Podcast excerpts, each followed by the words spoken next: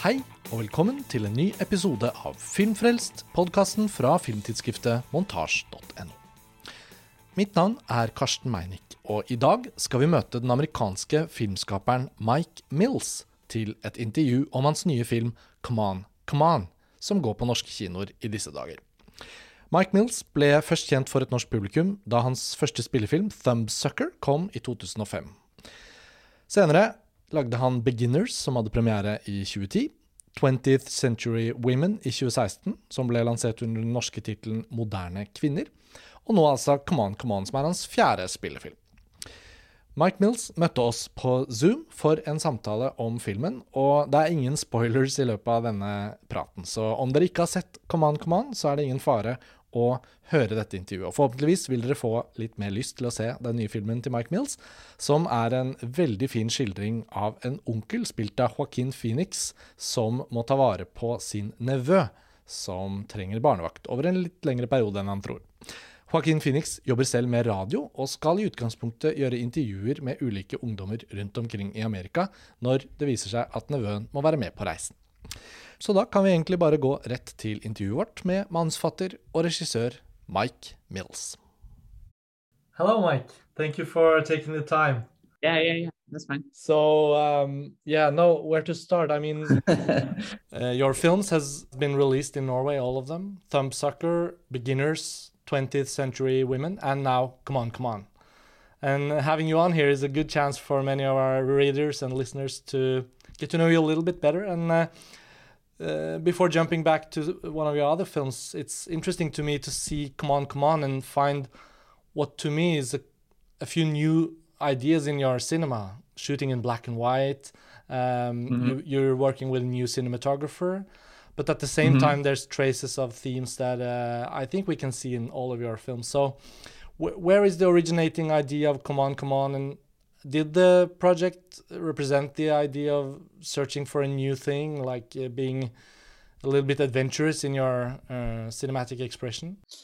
Well, the I mean, it came from being a dad and from my kid and trying to talk about childhood and kids like with some sort of empowerment or you know we, we frame kids as adults we frame kids as like cute sweet um, innocent um, charming and, and it's kind of like all these dehumanizing uh, lessening envelopes that we put them in Mm. and I was trying to get away from that. I was super influenced by Wenders' film Alice in the Cities, which is a favorite film of mine, and really helped me like in a moment of depression. And it helped me kind of like like cinema again or like movies again, and and just sort of like I was like, oh, I could kind of take that as like a blues riff and put my lyrics into it, or put my take that twelve bar blues and sort of move around with it. And I even enjoyed that. I enjoyed being very indebted to another film. I think all my films are, but I, I this time I I like that company, even if it's like unreciprocated.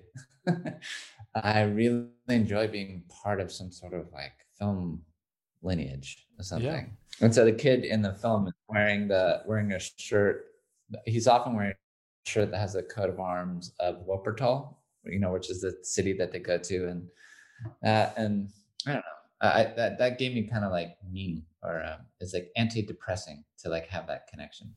So it's very much just trying to like document or talk about um, the space of what it's like to be a dad and and the strange impacts my kid has had on me about like my own self-awareness um, a lot of masks i've successfully worn as an adult. Your kid just sort of like wipes off you know which is a a challenge and and a gift right? And just like being needed this other realm of love and how it changes you not just like Mm. you loving the person. And i do really like to work from a place where i was almost like reporting. Like uh almo- the last two films have really been about someone i've known and seen and and observed for a long period of time and i really trust that process not to make something memoirish but to make something shareable and kind of Mm. like with some with some value maybe you know just because of the amount of observation that went into it. So so that's where it came from i think. Like the last three films they're all in the same themes. They're all they're all come from my family. They all have like deep shared interest of like memory and what's going by and the interrelational like how how how we figure out ourselves in relationship to these key people around us you know mm. but then i do i am really interested in trying to change things you know like you know 20th i was really trying to be kind of lush or being like a like a big rich bouquet compared to beginners you know mm. uh, with the music and with the I thought of Fellini's Amarcord a lot, and I thought of Fellini just a lot, like Fellini's sort of yeah. robustness. So that's that's my little white boy version, American California white boy version of being Fellini. And then uh, this one, you know, I wanted to be small. I wanted the film to be like minimal in some ways, or at least one chain of it to be minimal. And that's part of what got me to black and white.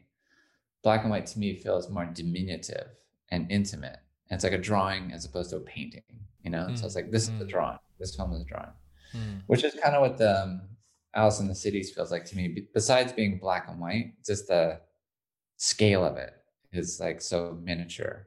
Mm. But I feel like all films are great at like hiding an opposite within itself, you know? So the film, in some ways, is very intimate, very personal, very small. But then it's actually the biggest film I've ever done. It's like four cities, it has all these documentary interviews, all these different people, all these voices that aren't mine, you know? Mm. So actually, and just making it, it was hard. It was a big movie. But I, I think like those opposing forces are always really good in a movie. A movie really likes that for whatever reason. It's like yeah.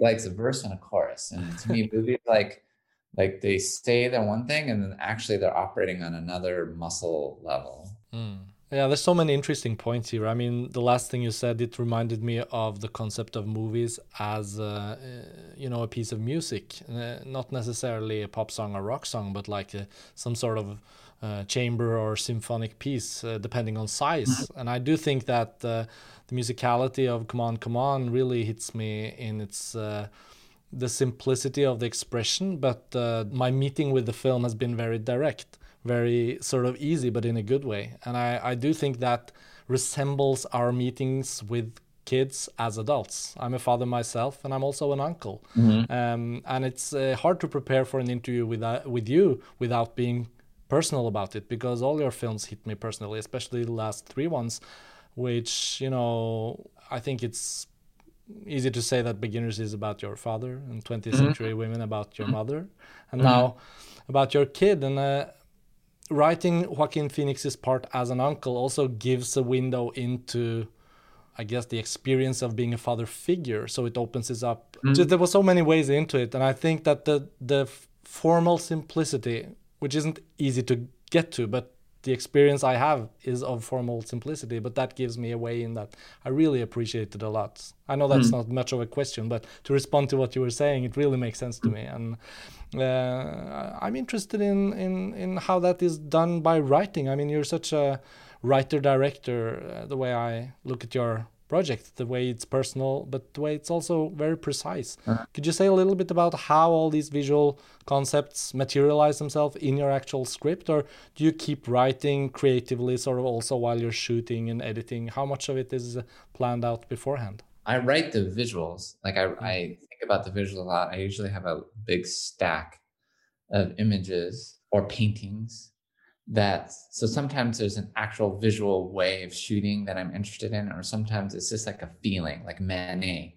Like Manet doesn't really that direct distance you were just talking about is kind of like Manet to me. Mm. And I, I, kept looking at Manet things, and Manet isn't like a favorite of mine or anything, but like it was like a it resonated with me. So I just listened to that and I was like, okay, there's something about like Manet's kind of directness and simplicity and like blank background and and kind of like not super articulated, but like very plain right up front. So that that's kind of an influence.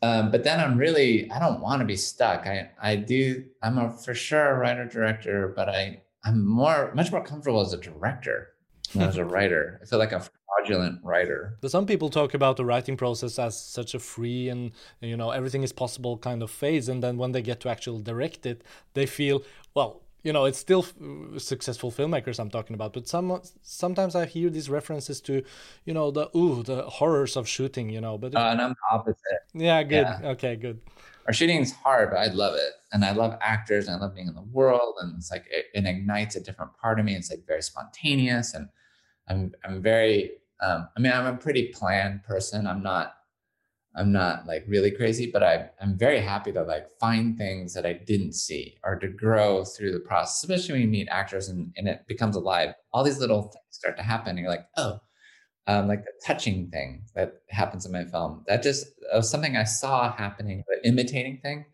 It's something I saw happening on set, not not as part of my shoot. Just like Woody doing drums and someone like imitating him. Hmm. And I was like, oh, that's actually like a physic a physicalization of my film. And what if you did that? Oh, what if you do that now? What if you did? So like I do like to improvise and I like to be surprised and all that.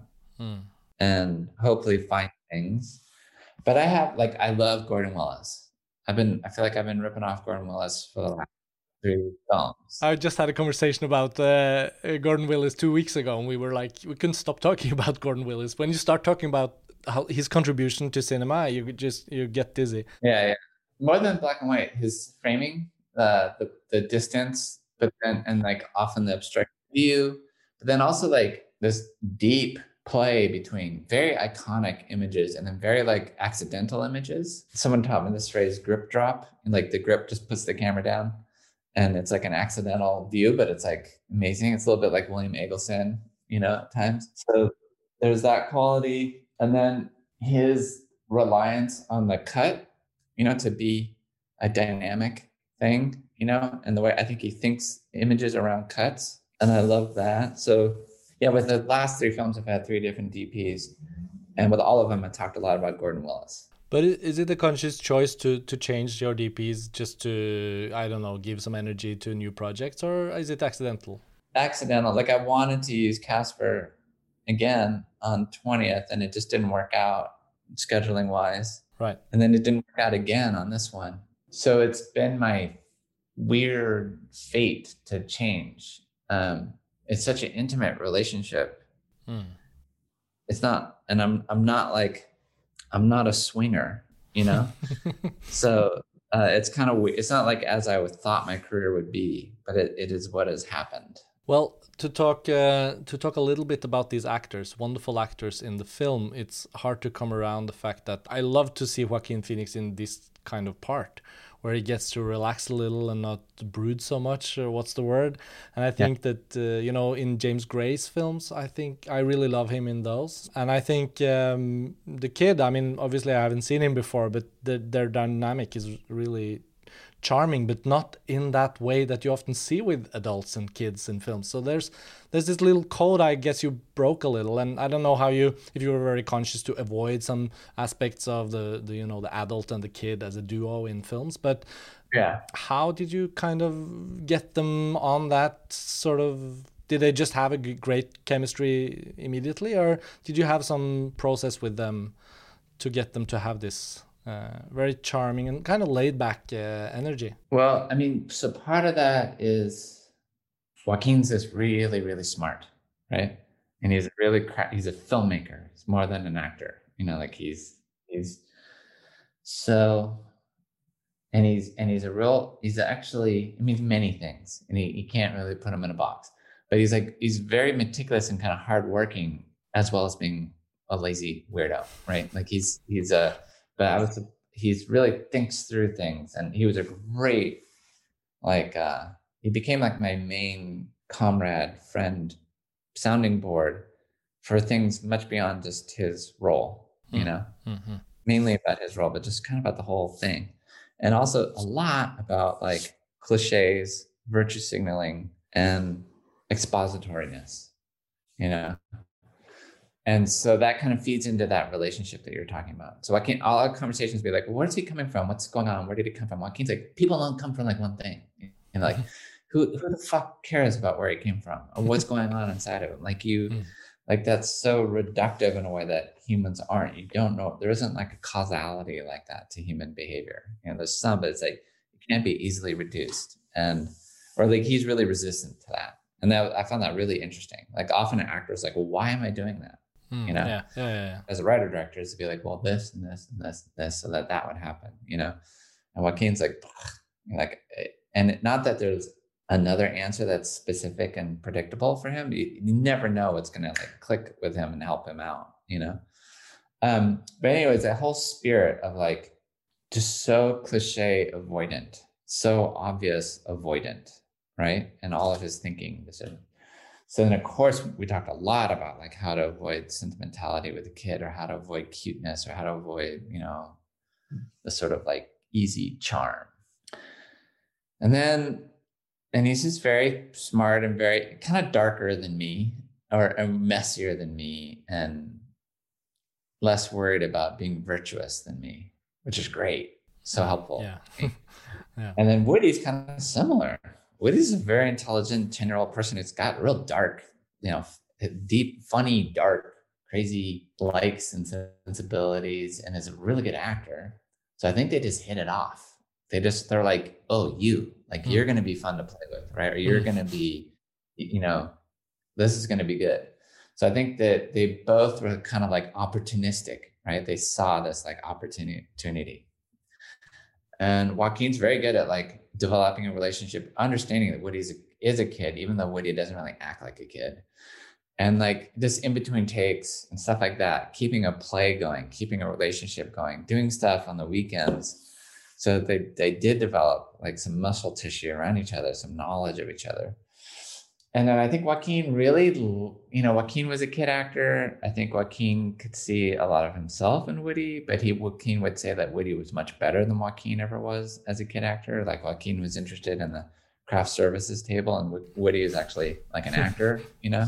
Right. And they had a real relationship. So Joaquin doesn't really like to do a lot of rehearsing stuff. I like a lot of rehearsing. And they had this idea, Joaquin and Viv, of never seeing each other until he walks through that door in Los Angeles. And they both had that idea. So I was like, okay, the film gods are telling me that's how I need to do it this time. So that meant that Joaquin, after Woody's um, audition, Joaquin didn't see him again until he walked through that door. So they had no um, prep. So it was only once they started. But I shot in order: Los Angeles, New York, New Orleans. Right. So they so they grew, you know? Yeah. And that, and by the time they're in New Orleans, they are just laying on each other, like holding hands when we're not shooting. They're great. Like they really have this deep, funny, weird connection, which I don't know. I don't know completely how actors organize their emotional lives and their minds, but it's like something's going on where it's like very enmeshed. That's not just while we're shooting. So like in New Orleans, like Woody just falls on Joaquin, all, like lays on him and does all this stuff. That is because that's how they were off camera. Are there any other examples of you know the the complication of filmmaking be very technical? Like you have a whole crew, like you have to plan out shots and places to shoot. But if you shoot chronologically, like you say, was there another opportunity or a better opportunity to grab onto these moments that happened during the shoot than it would have been if you did it the other way around? Well, I mean, all my films, I like to shoot in order. Almost all my films I've shot in order. Okay. I think like things. so it's part of your method. Yeah.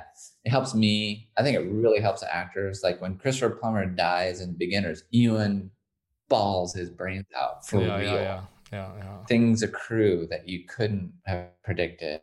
A film needs to grow in its emotional density, right? And so that's what happens during the shoot anyway, I shoot with uh, on all my films. I shoot with very little equipment. I shoot with very little lights. I uh, this one though especially, and Robbie really likes to work like that too. So we're very well suited for each other, and we're very easy to change or to I don't know, just sort of keep shooting, just keep mm. the hmm. camera on.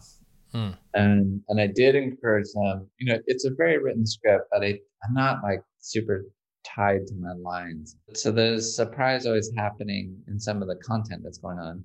And then because I'm shooting order, they do refer to things that happened before. But I'm a pretty planned person too. You know, like I, I don't, I know other directors are really free. And I always, I wish I was a little bit more like that, but I'm kind of safe. Like I plan out my days. I always finish on time. I follow my rules, you know? yeah. I, I think Robbie Ryan is an interesting collaborator for you on this project, just because he's one of those cinematographers where I really notice, you know, in Andrea Arnold's films or, or other projects, and it seemed to be, in a way, it seems to me like with with your film, and I think I was thinking about it after the um, Yorgos Lanthimos the um, the favorite. Like he's he's suddenly expanding and doing films that are way, you know, he's searching for new stuff. But some cinematographers seem to have like this great quality that people are after, and they keep keep doing that, and that's a great thing. But he seems to be really widening his like he's much more ver- versatile than I guess I thought. Uh, just because Andrea Arnold's style yeah. is very is very evident in the imagery, you know. So how how how did you come upon him and choose him and and and uh, yeah, he seems to have had a great time on your film as well. Yeah, I uh, I love the favorite um, because of the classicism, not the wide angle lens part. The some of the framing is just like mm. wow, that's mm. like a great classic like 50 millimeter medium close up on Emma Stone. That's a, you know, and I, I to me that's like really tasty and mm. um, there's like a real depth. I feel like in this film I had like Robbie has a depth and Joaquin and Gaby have this like real maturity and the film kind of has like more of an oak tree quality, whereas like my other films are kind of more pine trees or something like that.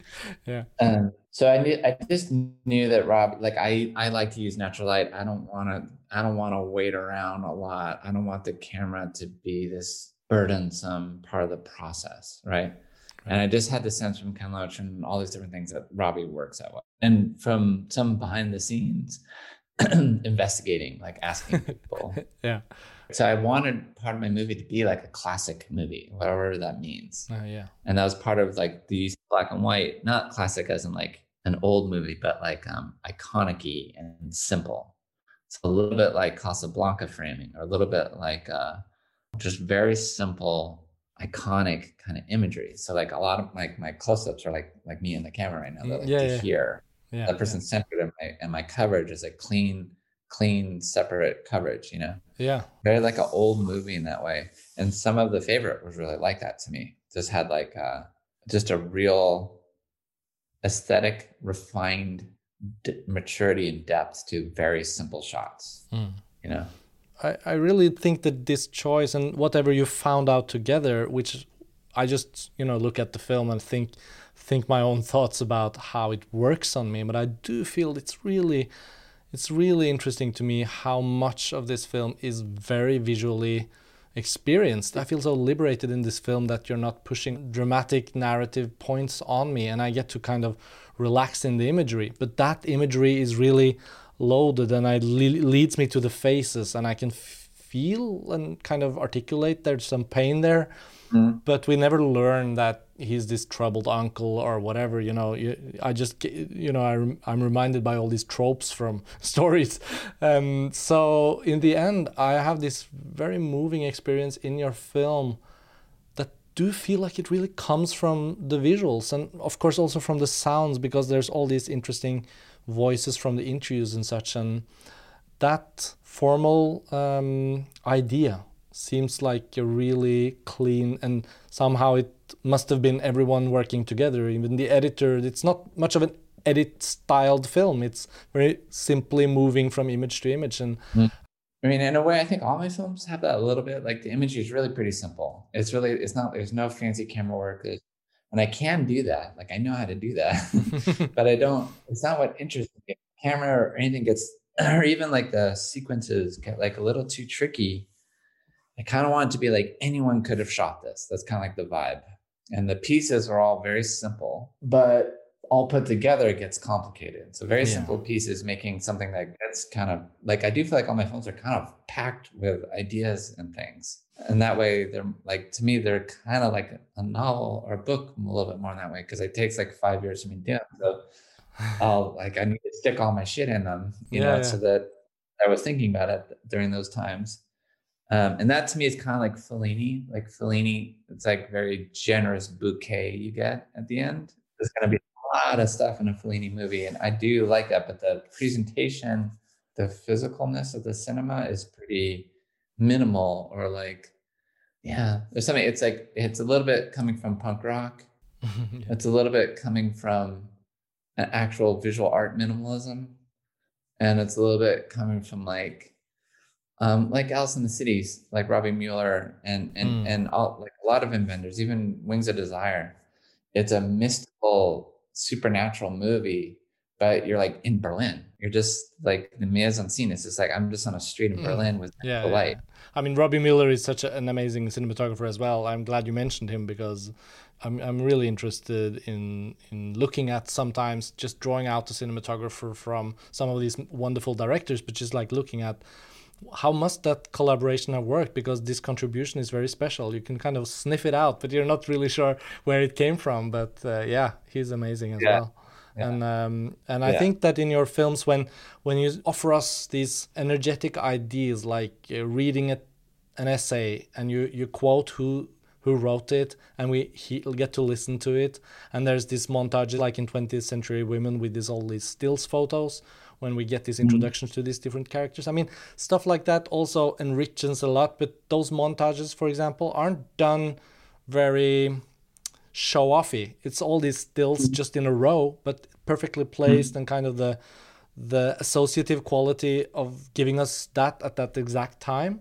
So as an editor myself, I just uh, keep keep thinking about, and I was rewatching all your films uh, to prepare, and it's not that many, so I was uh, happy to have like a Mike Mills festival, um, uh, at least your features. Um, so yeah, I just think like stuff like that do you write it specifically in a script to say like at this point we're gonna have this flash montage of this and that or I know I definitely write it, and like in beginner, I wrote what the drawings would be. okay like there's cool a, I wrote like there's a man underneath a rock, and the and yeah, yeah. if you and obvi- obviously the lines of your of the canine uh, the dog uh, must have been Yeah, written yeah. in the script right yeah yeah. Well, Yeah. but that changed a lot because it was easy to change. yeah of So- course yeah but then a lot of those the better lines were, were written and stayed um no I, I definitely write I'll, I'll just it'll be like a list of images like all of a sudden into my script Mm, mm. and then sometimes they're, they're it's just like he's asleep uh he's this he's that you know so you have to go to. there's a lot of work to like what is that but then there are some that you find in the edit like um one of my favorite parts of the movie is well there's two. There's a kirsten johnson quote. Yeah from ca- yeah, camera person? I did it while i was editing i did a q&a with kirsten about her dick johnson is dead. Yeah yeah amazing. I love And I- her films. Yeah, I love and she she's amazing. Like Yeah. she's just she's like Joaquin, just like brilliant, lovely person. And I was talking to her and I was like, oh shit, that thing you wrote in camera person, like I had that DVD and I had that essay. Mm, mm. I was like, oh, that explains Johnny. That explains my character. Um, can I include that? And she's like, well, this is after the She's like, well, I want to hear, I really want to hear Joaquin Phoenix read my lines. So just go ahead, and try it out so I had this scene where he's on his computer. It's like, I'm just going to pretend that he's reading it then. So I did that. And then all the imagery you see is just um, debris from, from mostly the interviews we did with kids. It's just stuff that was cut. I had so much stuff from those interviews. Mm, cool So I concocted that whole sequence after the fact. Mm. And then similarly, and that was really, I love that because it's like you stay creative in the edit. It's like it's the Yeah. film's You're not just like following some instructions. Yeah, maybe. but that was a very specific example as well because I, I really thought that sequence was very good in the film. So yeah. yeah, And there's something about that the imagery you you got because that all those pieces of like Johnny listening to the interviews. Like I, I focused on that part. Like you, Yeah. you pan off the kid to Johnny or Johnny and his Roxanne, his um, partner. Mm, mm, mm. So it ended up giving you all this information about him and um, non-obvious, non, you know, you can't quite point and figure out why why I'm learning about him. That's that's always like great when that happens. And then uh, Star Child, when he's reading the book Star Child, so I wrote I wrote things to shoot and we shot that stuff, but then I didn't have enough stuff.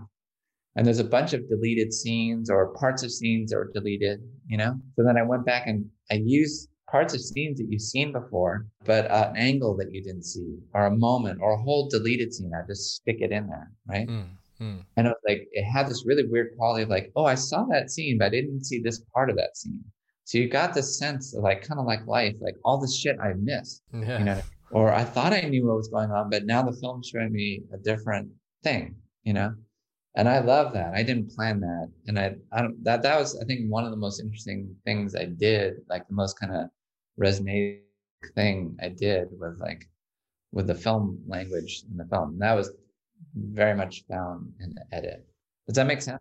Yeah, it makes yeah it makes sense, and I keep returning to thinking about these wonderful conversations you have with all these kids throughout the film because even though the character uh, of Joaquin Phoenix works in radio and is on this tour of collecting all these reflections, it's hard to not think about those parts of the film as a film within the film or a radio program yeah. within the film, which also entices my imagination. You know, I, I get to imagine how I would travel into that sound and keep listening or you know um, I get to think about uh, maybe there will be a future special special edition of Come On Come On where we get to hear the whole radio program or whatever. But yeah, the end credits are kind of that. Yeah, just wanted more of it. I wanted the longest end credits ever. so could you talk a little yeah. bit about that? Like, have you ever worked in radio? Are you fascinated by that format? You like to listen to documentary radio yourself? How how did that idea and all that the whole aspect of that come into play? Um, I do. I love radio, like This American Life.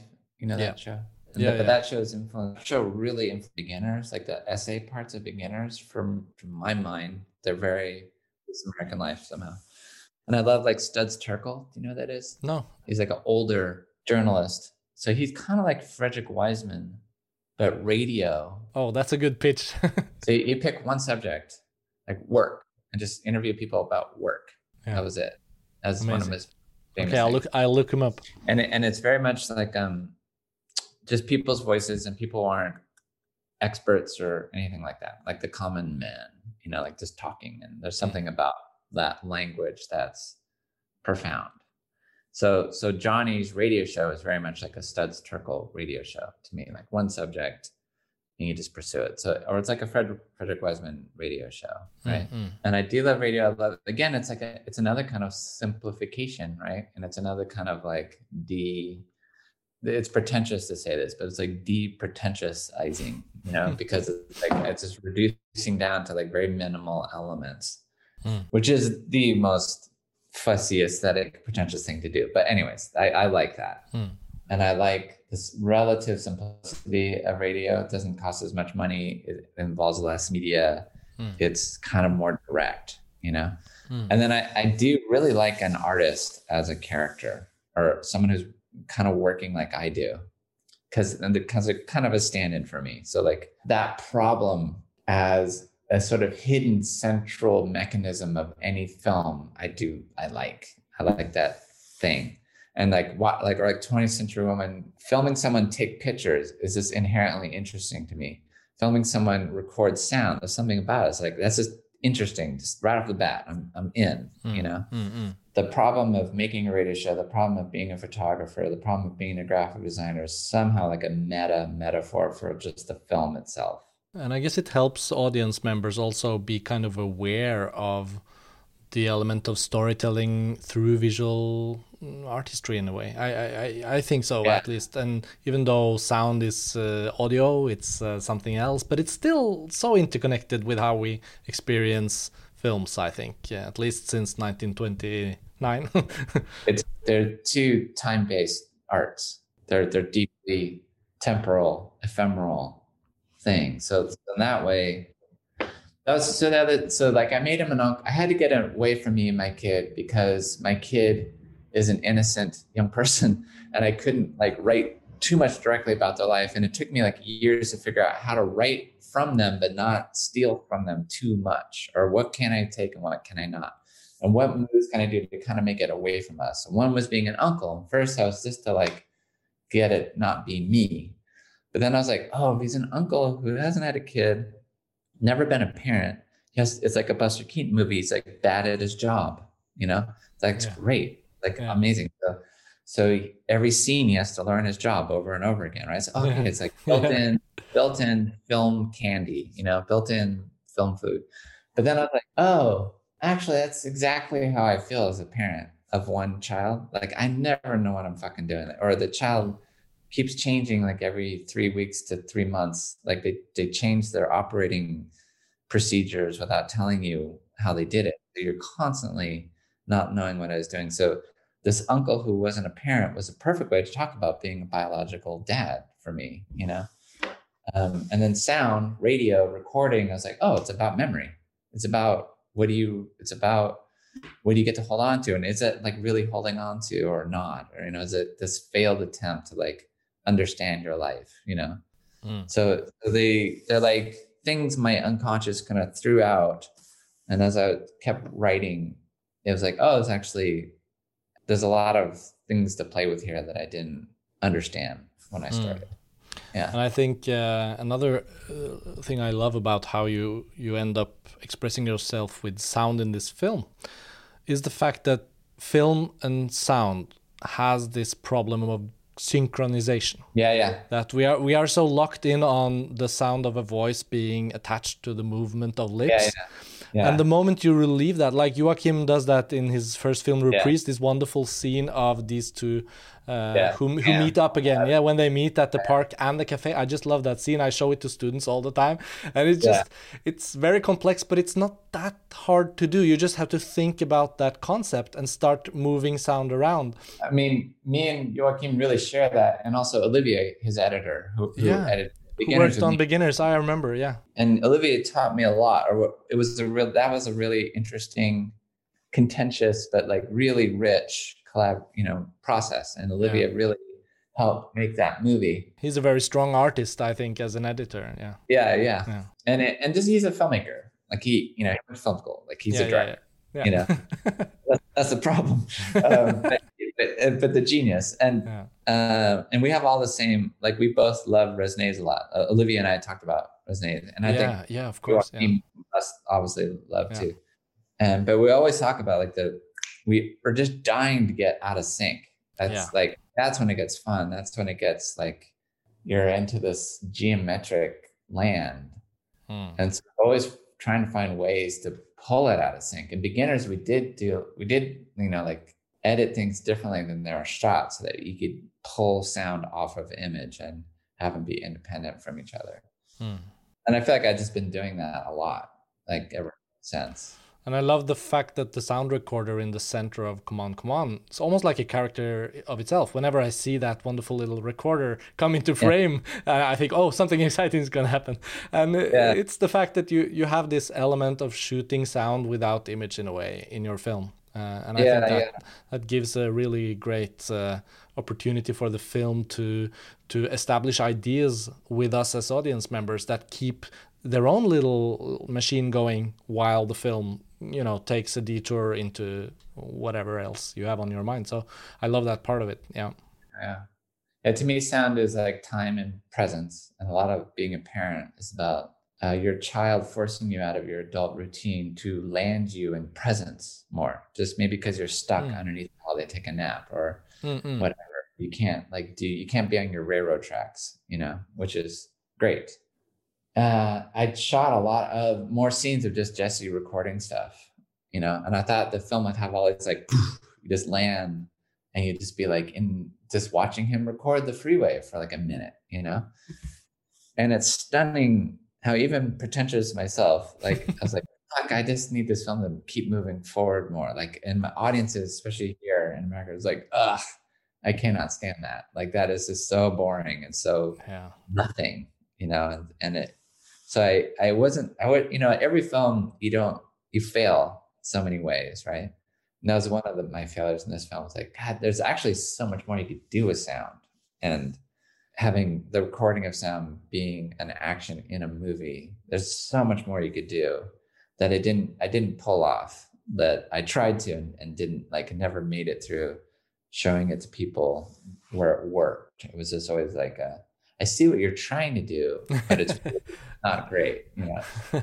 well, as in, uh, well, without knowing that, I wouldn't have thought that. I felt like you you do a lot with sound in this film, and you just save all of those ideas for a.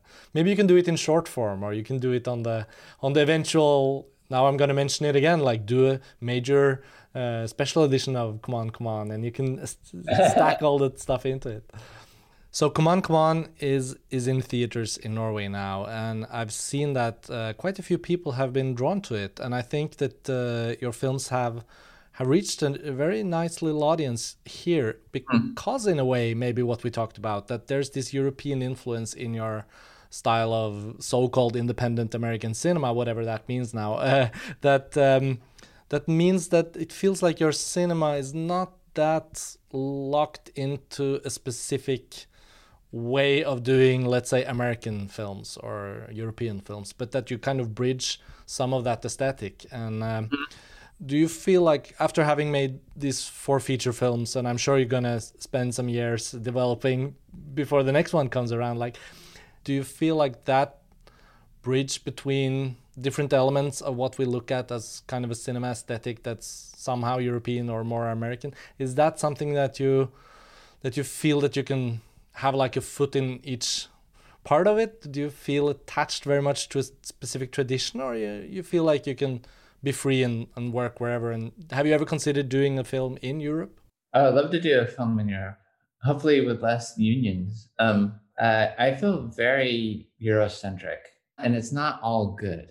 Like it is a little bit like white supremacy. Like all my all my references are very like French, German, Northern European, right, and in Italian, I guess.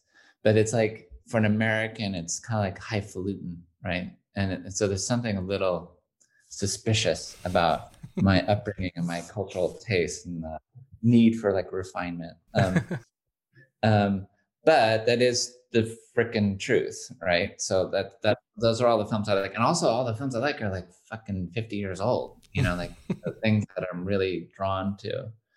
Um, but then I do. Um, I think you know the Americans that I like are very European influenced. So even like Woody Allen, who's like a complicated figure. Yeah. Um, but those films are really like I can't deny the impact of Annie Hall, Manhattan, Stardust Memories on me. You know but, but they're very much an American pastiche of European things. You know, Annie Hall kind of a little less, but like Stardust Memories is so it's like uh, eight and a half meets uh, Persona. You know, yeah. Uh, yeah. with Gordon Willis photography and Woody Allen themes. Yeah, you know? yeah, yeah, yeah. Um, so they taught me, or even like um, um, Jim Jarmusch. Like, so I, you know, I lived in East Village and I see Jim Jarmusch all the time. And I was like 27. I was like, I think I want to be a director, but it was kind of out of the box. But it was literally like, well, he's right there waiting in line in front of me for coffee so I could be a director. It was like that. Yeah. well, sometimes it's nice to kind of make the ambitions feel simpler. Yeah. All of these humans are childish monkeys. Let's just admit it. But, and, um, but, but, but watching his films, I really, I was like, oh, uh, I could maybe do this, you know? And what the this was, was Ozu. Like I didn't know, like Jarmusch taught me about Ozu before I even know who Ozu was, right? And then then I watched Ozu films. I was like, oh, this reminds me of Jim Jarmusch. And I was like, wait, you know, and then I figured out the story. Hmm. But like that, that calm, that watching vibe, um, that okayness with like space and like not much happening, you know? So all the Americans I'm interested in, even Gordon Willis, I think have a very deep European thing. That is the channel I am in. And you know, in America right now, it, that that is really it's really interesting if you read about like white supremacy and stuff like that. And I think it is within a heritage of like white supremacist thought to be so European influenced.